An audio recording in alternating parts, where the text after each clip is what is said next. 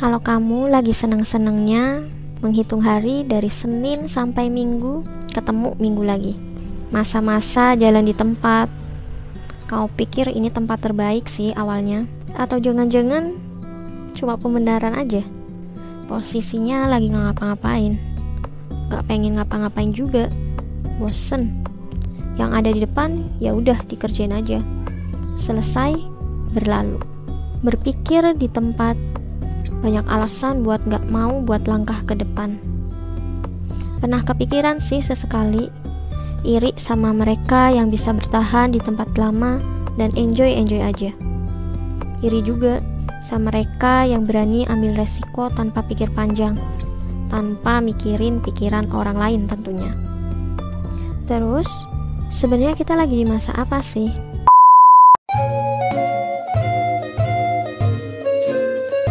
Kamu pernah dengar quarter life crisis, psikolog klinis Alex Fogg bilang, quarter life crisis ini merupakan masa ketika kita merasa insecure, penuh keraguan, merasa bahwa kita bakalan mengecewakan entah dari karir, hubungan kita, atau kondisi keuangan kita.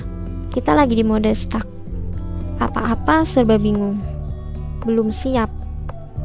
Padahal kita udah seperempat abad belajar dari hari ke hari, waktu ke waktu, merencanakan sesuatu, baru dimulai, eh ada distrak di depan. Ya udah sih mundur aja, kamu gak bakalan bisa. Bubar deh di tengah jalan. Balik ke awal lagi. Ada masa-masanya kita memang seperti ini. Terus kapan sih drama ini bakalan berakhir?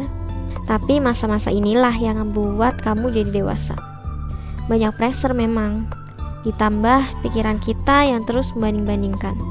Internal konflik ini juga dialami hampir beberapa orang. Ambisi tinggi, passion.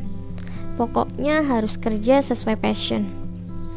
Pas udah di sana, di tempat yang kamu mau, atau ketika kamu lagi pengen banget dapat kerjaan, ketika udah dapat kerja, kamunya bingung.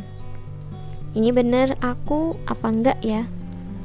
Dari sekolah, kuliah, sesuai jurusan. Terus habis ini ngapain lagi? Bakal ada apa sebenarnya? Pertanyaan itu bakal berhenti kalau kamu stop buat bandingin diri kamu sama orang lain. Jadi diri kamu sendiri aja. Fokus sama tujuan. Coba cari akar masalahnya. Entah itu burnout karena kerjaan atau ekspektasi dari orang tua kamu yang terlalu tinggi. Be kind to yourself. Baik-baikin diri kamu deh. Kamu sudah berhasil melewati ini semua. Dan kamu bisa bertahan sampai saat ini. Jangan lupa kasih reward kalau misalnya kamu selesai satu tugas. Talk to others. Penting banget buat kamu cerita sama orang terdekat. Sama orang tua kamu atau teman dekat kamu. Mereka bakal jadi support system terbaik buat kamu. Last but not least, action. Diskusi panjang lebar, Pelajaran yang kamu dapatkan akan memunculkan pilihan-pilihan kamu. Memilih resign dulu atau kejar passion sampai kamu dapat. Kasih jeda buat traveling boleh juga sih. Atau kamu bakalan lanjut buat rampungin to-do list yang udah kamu buat di awal tahun. Do better. Walau kalian lagi stuck, sama saya juga pernah. Tapi jangan berhenti. Kalian pasti bisa. Apa pun lakuin aja. Kejar aja jalanin aja. Wish you luck. Peace aslak bye